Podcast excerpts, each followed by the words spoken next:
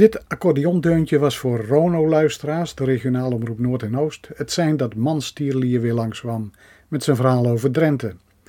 Manstierlier was een creatie van Max Douwes, geboren in een onderwijzersgezin in het Drentse dorp Kleindijk.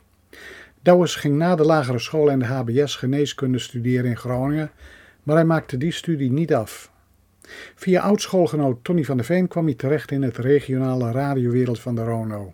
En hier maakte hij furoren met zijn manstierlier-verhalen.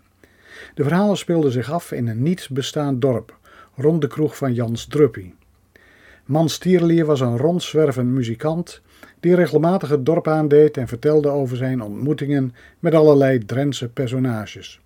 En de stemmen van de personages werden allemaal gedaan door Max Douwer zelf.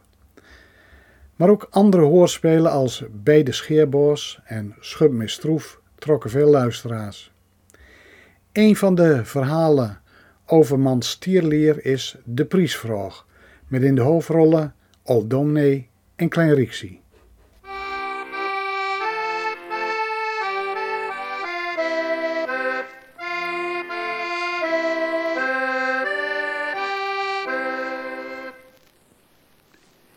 Jans Druppie had weer een drokke nering, want het hele tropie zat in zijn kroeg. Ik en Harm-Jan van het Achtereinde, Orden van de Roege Bulten en Zwine Geert, de tweeling Matthias en Tobias en ook Klein Rixie die het hoogste woord had. De Rederikeskamer Hoger Streven had gisteravond een uitvoering gegeven van het drama in zes bedrijven De Wraak van de Ridder. Een mooi stuk waar aan het einde een gedienstuk stoutig en genodig sleurt over twee doden van beiderlei kunnen. Harm Jan gaf als bijzonderheid te kennen dat Vennegie tranenster had. En ook hij had zo nou en dan een grommegie in de straat voelt. Maar dat kon ook komen doordat Harm Jan zijn zoon Eppie als liek achterbleven was, wat altijd slim aangreep. Rixie was het er lang niet mee eens. Er was goed spult, daar niet van, maar het stuk deugde niet.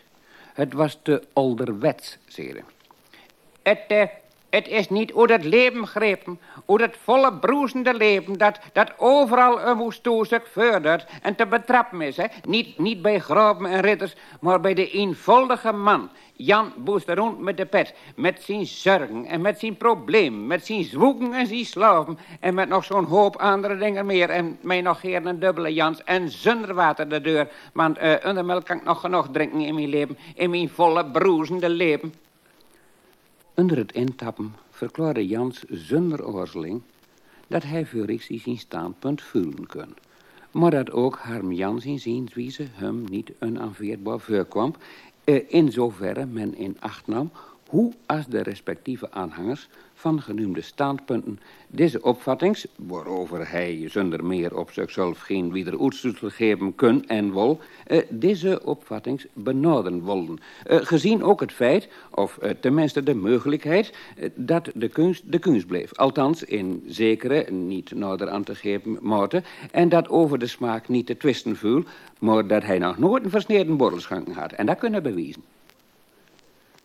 De gedachtenwisselings liepen zo hoog dat Zwiener Geert een uitdaging richtte aan Klein Rixie om dan zelf een toneelstuk te schrijven, als dat er dan toch zoveel verstaan van had. Rixie, zijn antwoord, was verrassend. Uh, ik, uh, ik ben al doende, zeerde met de simpelheid die alleenig grote giezen over zich hebt. En toen wij hem verbaasd aankeken, zeiden er als verklaring bij... Uh, priestvraag. Genootschap. Uh, wat voor genootschap? vroeg. Uh, er is maar één genootschap en dat is het Drensgenootschap, zei Rixie Wies. Het genootschap dat ons vergiet in Drensigheid. En, en wij moet, moet achter zijn wapperende manier aanmarcheren, want het genootschap heeft de priestvraag in zijn vaandel ingeschreven. Het kwam erop neer dat het Drens genootschap een priesvraag uitgeschreven had voor het schrijven van een Drens toneelstuk. Uh, vanzelf zonder erbij te vertellen wat als een toneelstuk, uh, wat als Drens was. Dat kon ieder voor zichzelf goed maken en Rixie was niet van plan om daar koud van te blijven. Hij zal het toneelstuk schrijven waar als de wereld, nou ja, goed, waar als Drenthe op wachten. En nou moet ze nodig en hoes om in eenzaamheid na te denken over zijn scheppende arbeid. Een dag of wat later kwam hij bij mij aanzetten en vroeg langs zijn neus voort of ik een kleinigheid voor hem doen wil.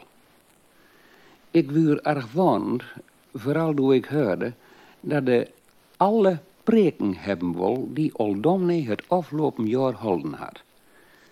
Ik zeg, wat, uh, wat word er met?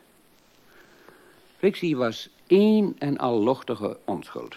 Oh, het is, uh, het is voor een stuk dat ik, uh, dat ik schrijven ga, zei Ik, ik ben dichterlijk aanlegd, hè. En ik heb de verhevenste gedachten in mij. Maar in een toneelstuk, dan nou ja, er moet ook een verhaaltje zitten. En dat vind ik een beetje beneden mijn, mijn artistieke stand om dat te bedenken. Hij bekeek het tafelkleed alsof dat op het moment het belangrijkste op de wereld was. Het lag er doemdik bovenop. Rixie zag geen kans om een goed verhaal te bedenken. En het was hem te binnen scheurden dat Oldomne in het afgelopen jaar een preek holden had over de verloren zoon. En door had Oldomne zo'n gloepens mooi verhaal als voorbeeld bij verteld, dat iedereen in de kerk er reed hard van aandoening.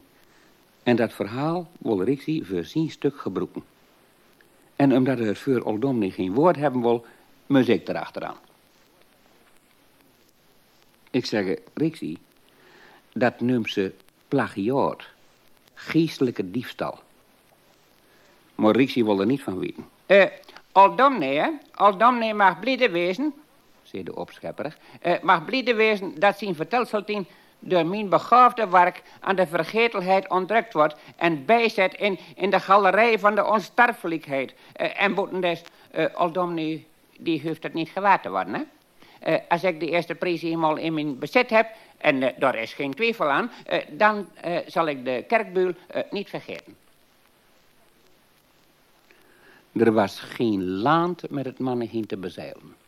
En ik haalde bij Oldomne de preken van het afgelopen jaar op. Speciaal die over de verloren zoon, zeker nog bij. Ik kreeg ze. 52 blauwe schoolschriften. Oldomne verheugde zich zichtbaar in de opleving van het geloofsleven van zijn schapen, zoals ze zich ook drakte. Rixie plomde in de bar schriften als een jonge hond in het hoge gras. Door het verhaal die u de preek eenmaal vinden had, gingen aan het schrijven tot zijn oortjes rood waren. Dagenlang was aan het maggelen op grote stukken papier. En zo nou en dan leesde mij de nijste verderingsvuur. Het uh, ging over een jong die niet oppassen wil en van hoes liep om zeeman te worden. Hij, uh, ja, hij liet een wicht in de steek en daar kwam dan slim veel geredeneer en tron aan te pas. Precies zoals Dominic in de preek verteld had, alleen de Rixie zijn zeeman had een boord. En hij gebruikte ook meer woorden, maar uh, naar het mij voorkwam, uh, de spanning was veel minder. Maar Rixie was er slim tevreden met. Uh, uit, het, uit het volle leven grepen mans, zeerde met allemaal uitroeptekens in de oogjes.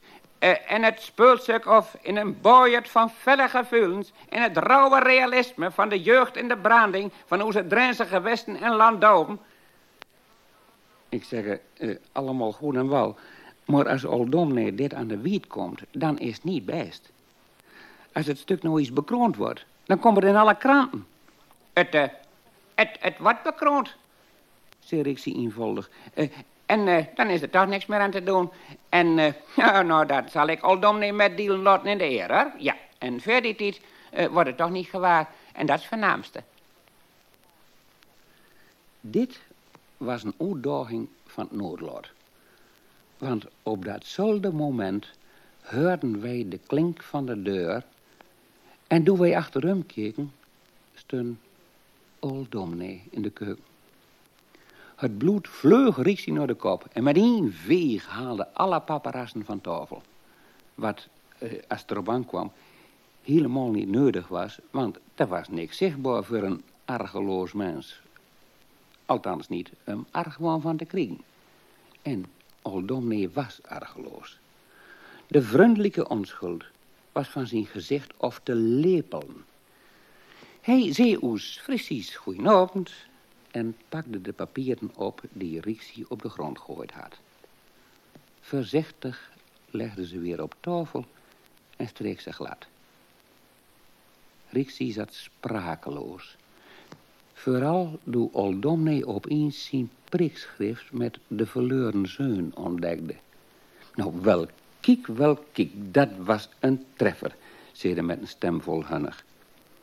Hij kwam juist even aan hem te vragen over de preek die de Amansliend had wurm kregen kunnen. Eh, hij wist niet dat wij ze tot onderwerp maakt hadden van een mooi, ordelijk gesprek. En het deed hem goed dat er bij ons nog zoveel belangstelling was voor de dingen des geestes.